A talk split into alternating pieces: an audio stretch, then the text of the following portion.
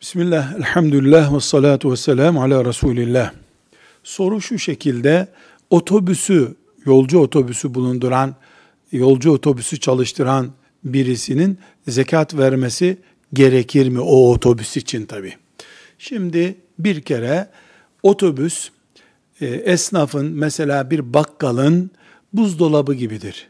Yani temel e, malzemesidir. Onun elin onun üzerinden para kazanıyordur. Dolayısıyla satılık olmayan bir otobüs, satılık olduğu zaman ticari bir meta gibidir. Bakkalda satılan eşya gibidir. Toptancıda satılan eşya gibidir. Yüzde iki buçuk oranında her sene zekatı verilir satılmadığı sürece.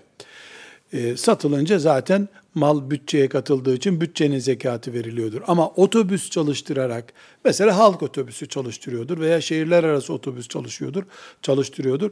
O otobüs onun evi durumundadır. İnsan kendi oturduğu evine zekat vermediği gibi ekmek teknesi olarak kullandığı otobüsüne, kamyonetine de zekat vermez. Kazandığı paradan borçları düştükten sonra, harcamalarını düştükten sonra ya ödeyeceği borçlarını düştükten sonra kalan para nisap miktarı ise ona zekat verir. Velhamdülillahi Rabbil Alemin.